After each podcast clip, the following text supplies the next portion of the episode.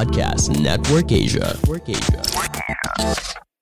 Halo teman-teman, jadi aku punya informasi penting buat kalian, terkhusus buat orang-orang yang kreatif di luar sana yang pengen gitu ngasilin duit dari rumah aja gitu kan.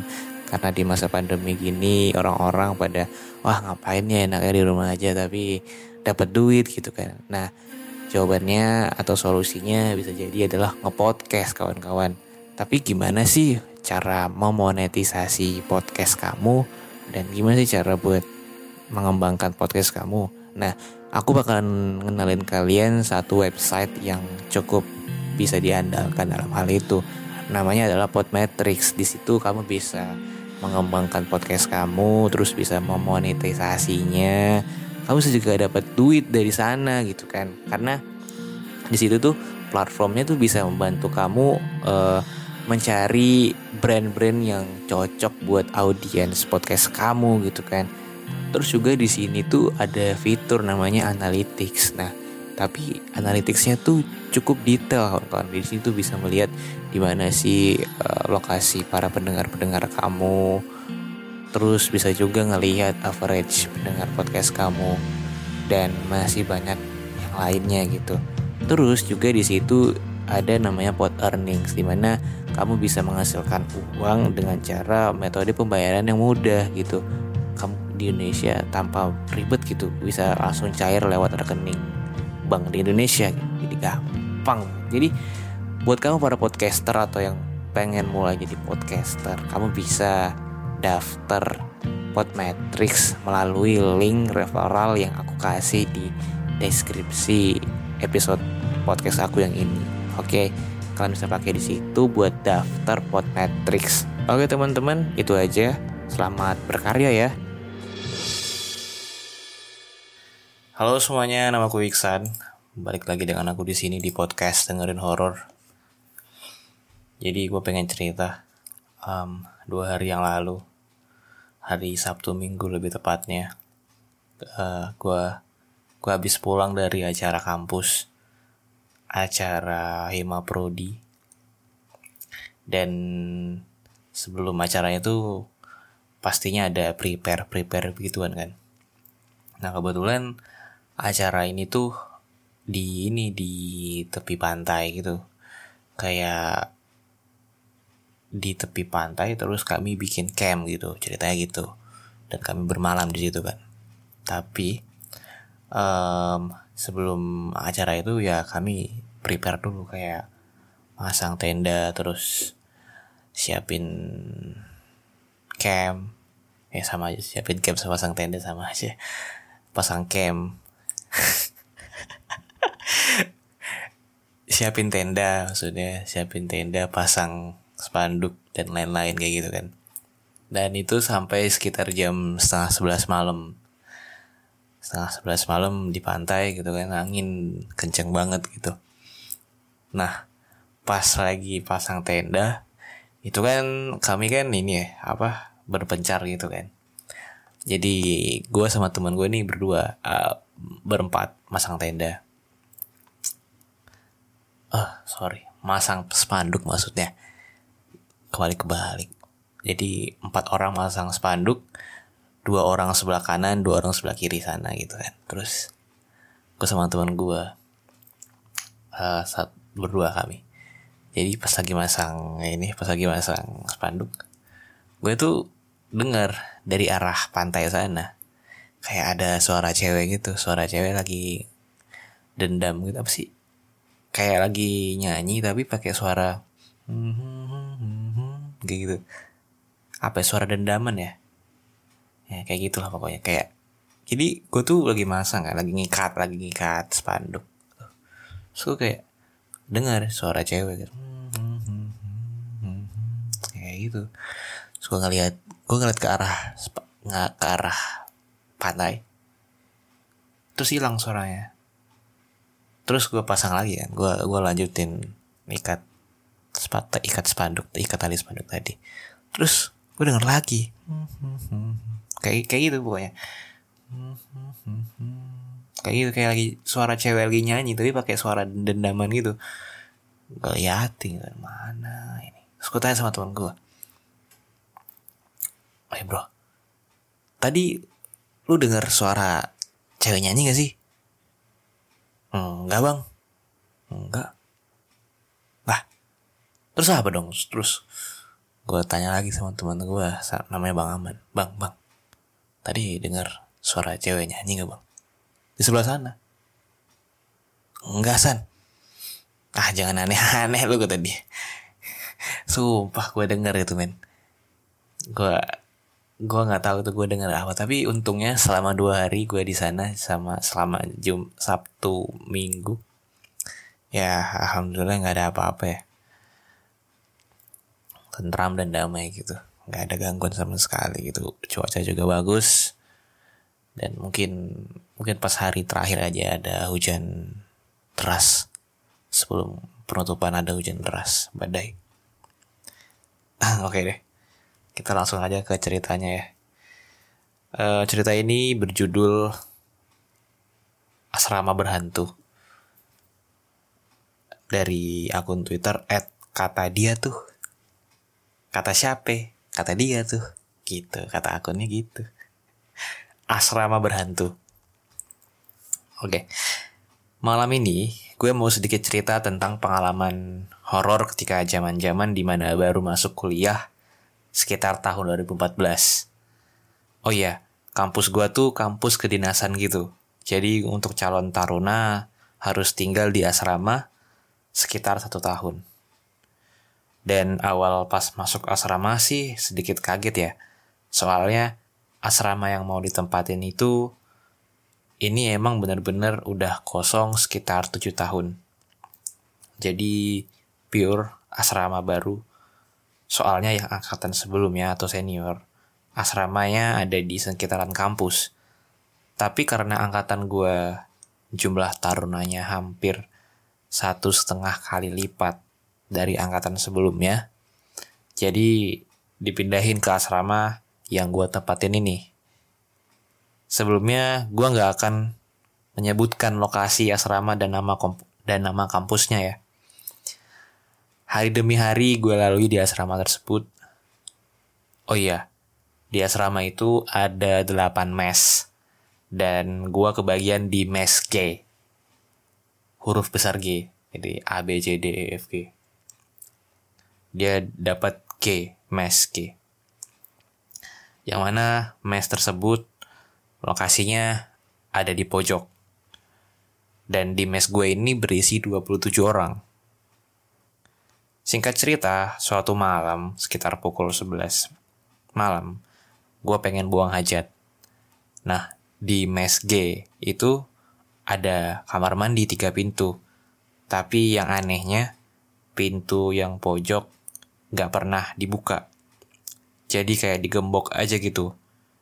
Kebetulan gue buang hajat di pintu yang tengah. Kenapa milih yang tengah? karena lampunya paling terang dibandingkan yang sebelah kanan. Kalau pintu kiri yang nggak pernah dibuka, jadi nggak dikasih lampu. Kebayangkan creepy kayak gimana? Ketika buang hajat, gue ngedengar bunyi duk-duk kayak orang mukul tembok gitu. Dari WC kiri, sempet mencoba positif thinking, tapi makin mikir, positif, suara pukulan itu kayak makin kenceng aja gitu. Tanpa pikir panjang, gue langsung buru-buru menyelesaikan acara buang hajat tersebut, walaupun masih agak mulus sedikit. Dan secepatnya untuk tidur karena besok pagi ngampus. Oh iya, jarak dari asrama ke kampus tuh sekitar 20 menit. Jadi naik jemputan bus gitu dari kampus dan busnya standby jam 5 pagi. Gue sengaja gak nyeritain kejadian di WC karena gak mau bikin temen-temen satu mes jadi parno. Pernah si Endang, namanya disamarin, anak mes gay juga. Dia mandi sekitar jam setengah tujuan, yang di mana taruna-taruna lain kalau mandi itu biasanya sebelum maghrib. Tapi kalau Endang ini jam setengah tujuh malam dia ngedengar cewek suara cewek nangis di samping bilik WC Seketika itu dia lari masuk mes G. Cuma andukan doang. Dan bikin geger beberapa ada yang percaya dan gak sama sekali atas kejadian itu. Tapi gue sebagai salah satu korban kejahilan penghuni sana sih fix percaya. Kadang di hari-hari tertentu lampu WC pintu kanan suka nyala mati sendiri ketika peralihan sore ke malam atau pas maghrib ya. Di sini gue cuma fokus nyeritain seputar kejadian mes G aja. Soalnya gue jarang kepo sih seputar beginian sama anak mes yang lain. Oh iya lupa ngasih tahu kalau WC 3 pintu itu sebenarnya cuma option aja. Karena lokasinya deket sama mes G, sekitar 10 meter. Jadi WC yang utama asramanya di antara mes D dan E. Tapi kadang suka ngantri gitu, mungkin karena kebanyakan jumlah tarunanya.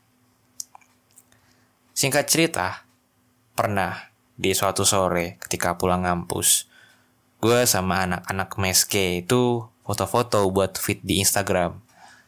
Nah, di foto tersebut kayak ada sosok siluet bamba baju putih, rambut panjang, yang bikin gue sama empat anak lain pucet gak karuan. Terus karena ada yang parnoan parah, dia minta buat hapus foto tadi. Pernah di suatu hari ketika gue kurang fit, jadinya kan gak ngampus. Jadi gue cuma bisa rebahan aja di sana. Di asrama. Dan gue ngalamin yang namanya ketindihan untuk pertama kalinya sebenarnya rasanya kayak percaya nggak percaya. Soalnya kejadiannya sekitar jam 4 sorean gitu. Ketika mau buka mata, ditampakin sosok cewek rambutnya ngembang kusut. Pucat, matanya hitam, agak kemerahan. Mulutnya senyum dan gue kayak kena stun. Gak bisa gerak sama sekali. Mau baca doa pun kayak gak bisa. Dan yang gue lakuin cuma bisa merem doang sambil keringat dingin. Tapi gue masih bisa ngerasain kalau dia ini masih ada di hadapan gue. Karena hawanya tuh panas tapi gak kayak biasanya. Sekitar 10 menit berlalu. Feeling gue ngerasa kalau si mbak itu udah pergi dan gak lama anak-anak asrama juga pada datang di situ gue heran dan bingung sama kejadian tadi soalnya kayak sadar nggak sadar gitu tapi rasanya badan tuh kayak lemes selemes-lemesnya orang lemes jadi di belakang meske itu tuh ada pohon yang lumayan tua gue kurang tahu juga sih itu pohon apaan yang pasti pohonnya nggak berbuah tapi rindang banget nah pohon tersebut tuh dijadiin smoking area sama anak-anak nakal meske. Padahal udah jelas peraturan di asrama tuh nggak boleh ngerokok. Kadang juga ngerokok sambil gitaran di situ ketika malam minggu.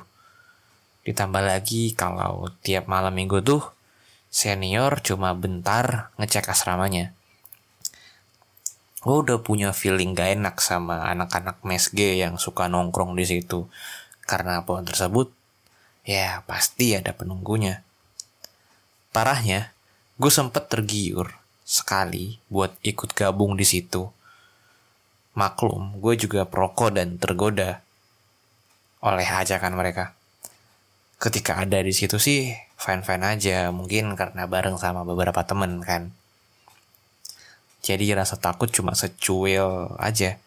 Padahal mah dalam hati kayak ngerasa nggak tenang aja gitu. Dan tiap malam minggu itu apel malamnya tuh lebih awal. Jadi ketika apel malamnya beres itu free gitu. Mau pesiar keluar atau tetap di asrama juga bebas. Tapi tetap harus balik ke asrama maksimal jam 10.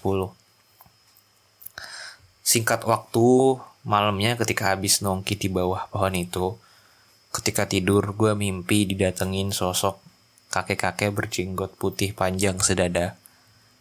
Dia pakai baju putih, celana putih, rambutnya sebahuan. Dia negur gua, tapi ekspresi mukanya santai aja. Sama sekali nggak mencerminkan, nggak mencerminkan orang marah dan wajahnya kayak bercahaya gitu.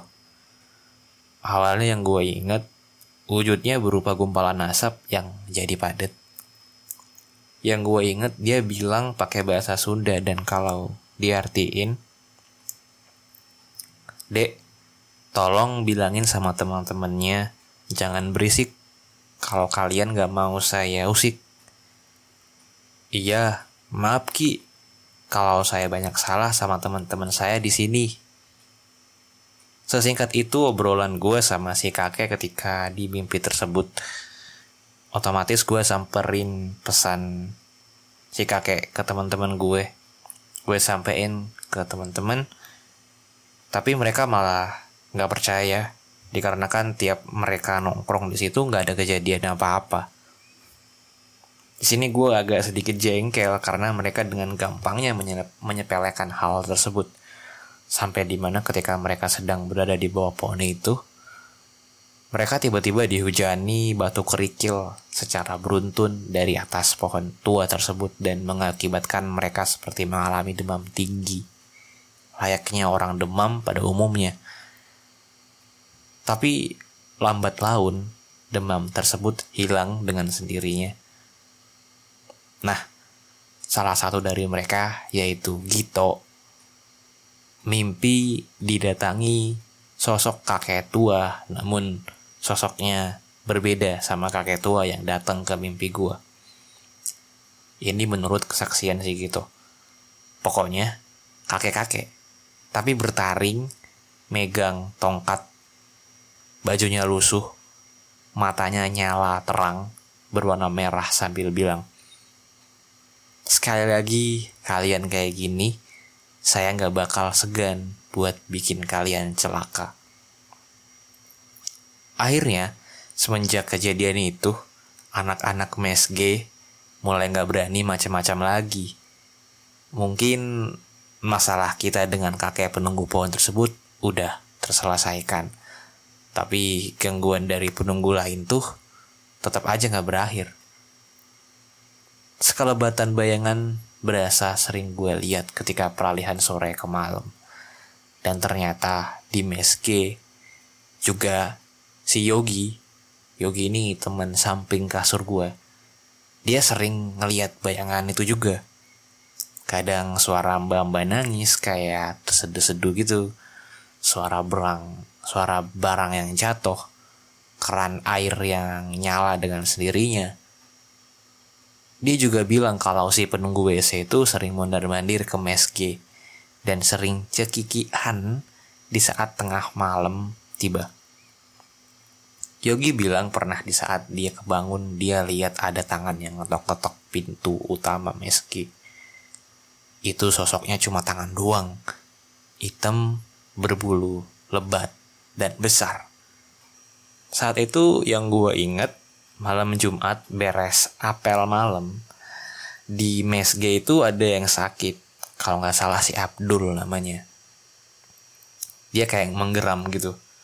Awalnya sih batuk-batuk, tapi lambat laun jadi menggeram gitu. Kayak geraman harimau. Sontak Suasana mes jadi mencekam. Gue dan sebagian anak-anak megangin badan si Abdul sambil baca-baca doa yang gue hafal. Tapi hasilnya nihil. Dia tetap ngerontah-ngerontah. Di sisi lain, si Hans juga kemasukan sosok kayak seorang jawara silat. Tapi yang gue inget, intonasi suara Hans jadi berubah total. Jadi kayak bukan suara dia yang gue kenal. Empat anak lain langsung gercep buat megangin si Hans yang mulai kayak pasang kuda-kuda buat silat.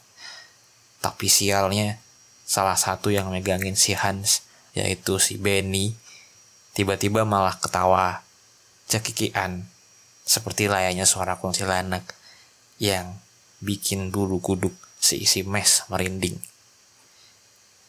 Sebagian anak mesge keluar cari bantuan ke kepala asrama yang kebetulan masih ada di wilayah asrama. Dan Beberapa anak mes sebelah pun berdatangan karena penasaran dengan apa yang terjadi di mes G. Ada juga yang langsung sigap membantu memegangi korban kesurupan tersebut. Gak lama, kepala asrama datang bersama bapak-bapak kayak kiai atau ustadz gitu. Si bapak tersebut sempat berdiri di depan pintu asrama sekitar satu menit sambil baca wirid lalu menghampiri Hans dan Benny untuk menyadarkan mereka berdua Dibacakannya surat-surat Al-Quran oleh bapak tersebut kepada Hans dan Benny.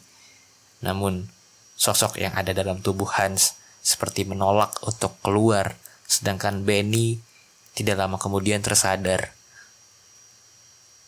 Untuk nama si bapak Ustadz, kita sebut saja namanya Pak Soleh. Kemudian, Pak Soleh menyuruh anak mesge lain untuk memegangi tubuh Hans karena tubuhnya semakin meronta-ronta. Total ada enam anak meske yang megangin tubuh Hans. Gak lama, Pak Soleh kembali membacakan doa tepat di hadapan Hans sembari tangannya menutup mata Hans. Dan alhamdulillah, Hans tersadar walaupun dibarengi dengan muntah-muntah. Nah, terakhir tinggal si Abdul yang tersisa Dipeganginya seluruh tangan dan kaki si Abdul oleh beberapa anak. Gue lupa yang meganginnya ada berapa. Yang pasti termasuk gue sendiri. Pas Soleh bilang, sosok yang merasuki tubuh si Abdul itu yang paling kuat di antara yang lain. Awalnya si Abdul cuma meraung-raung layaknya harimau. Tapi ketika Pak Soleh bacain ayat-ayat suci, Si Abdul tiba-tiba ketawa dengan intonasi suara yang berat. Lalu dia bilang, Untuk apa kalian menempati wilayah saya? Kalian dengan seenaknya nempatin tempat ini tanpa izin terlebih dahulu. Manusia emang gak punya tata keramah. Cuma bisa ngerusak lingkungan. Inti dari percakapan tersebut yang pasti Pak Soleh meminta bernegosiasi agar kami, Taruna, bisa nyaman tinggal di mes. Tapi sosok tersebut tuh tetap kekeh mempermasalahkan kenapa orang-orang yang pertama datang ke tempat ini semenjak nggak dihuni selama tujuh tahun nggak minta izin terlebih dahulu. Anehnya, Pak Soleh sejenak lalu bilang kepada kita, ini mah bakal susah. Mending kita ambil jalan tengahnya aja. Lalu dengan sekuat tenaga Pak Soleh mengeluarkan sosok tersebut dan syukurlah Abdul bisa tersadarkan. Pak Soleh bilang kepada kami untuk melakukan pengajian rutin setiap malam Jumat agar suasana mes bisa kondusif. Singkat waktu, pada saat pengajian malam Jumat yang pertama sih berjalan lancar. Nah, di saat pukul setengah sebelas malam, di mana itu jam tidur, posisi lampu tengah mes udah dimatiin, dan anak-anak mungkin beberapa udah ada yang tepar. Gue dikagetkan dengan suara kaca pecah di pojok mes. Dan ternyata seperti ada sesuatu yang terlempar dari arah luar yang mengakibatkan kaca tersebut pecah. Di situ pas banget posisi kasurnya si JJ, ketua mes G. Si JJ bilang, gak ada benda yang masuk ke ruangan mes. Anak-anak mes sempat diem sesaat, mungkin karena kaget sama fenomena tersebut. Tapi si JJ mencoba nenangin kita semua dan bilang, ya udah, banyak-banyakin berdoa aja dan lanjut tidur. Lagian Gak mau kan kesiangan bangun lalu dihukum senior. Karena kena hukum senior di esok hari lebih nyeremin menurut gue. Sebenarnya di hari-hari biasa pun gue dan anak-anak mesge lain sering ditampakin sosok-sosok bayangan sekelebetan ataupun fenomena suara tangisan. Tapi lambat laun kejadian tersebut tuh kayak jadi makanan sehari-hari buat anak-anak mesge Maklum, yang namanya taruna harus kuat mental dong. Pernah di suatu hari minggu, ketika gue jajan di warung yang lokasinya ada di luar lingkungan asrama, gue sempat kaget dengar kesaksian penjaga warung di mana pada saat tahun pertama asrama yang gue tempatin kosong, ada kejadian wanita meninggal gantung diri di atas pohon yang lokasinya ada di depan WC meski. Tapi pohon tersebut udah ditebang semenjak kejadian itu. Sempat dengar juga cerita anak mes lain yaitu mes B. Di sana sering banget nyium bau seperti bau bangkai yang lalu diiringi dengan sekelebatan sosok putih berbungkus dan sosok itu juga sering mondar-mandir di sekitaran lorong mes A, B, dan C. Tapi awal kemunculan sosok tersebut berasal dari atap mes B. Untuk kegiatan pengajian malam Jumat pun dilaksanakan juga di mes-mes lain. Tapi menurut gue yang paling ekstrim gangguannya tetap di mes G. Karena mungkin lokasinya berdekatan sama pohon besar yang di belakang. Pohon yang ditebang dan WC tiga pintu itu. Untuk kejadian rentetan kejadian mistis yang lainnya gue agak sedikit lupa. Tapi satu hal yang gue inget di mana beberapa hari sebelum akhirnya angkatan kami keluar dari asrama, asrama, saat itu gue inget sekitar setengah tujuh habis maghrib. Gue lupa ngangkat jemuran. Nah, posisi jemuran ada di samping kiri mesge nih. Jemuran pakaian gue tuh letaknya agak belakang yang mana itu deket sama pohon tua yang ada di awal cerita tadi. Ketika sedang ngangkut jemuran, gue lihat di atas pohon tua itu ada sosok hitam berbulu lebat. Mukanya hitam, tingginya sekitar 2 lebih, 2 meter lebih, dan ada taring di kedua ujung giginya. Sosok tersebut seperti lagi menyelinap di antara ranting-ranting pohon. Seketika gue cuma bisa menjamkan mata dan baca surat-surat pendek. Ketika gue buka mata lagi, sosok itu udah hilang dengan sendirinya. Sebelumnya gue juga pengen tahu cerita dari sudut pandang Yogi, CS gue di Mesge, yang yang sebelah kamar gue, sebelah kasur gue. Tapi ketika tadi pagi, gue chat dia, dia enggan untuk cerita. Jadi cerita ini pure dari sudut pandang gue semata aja.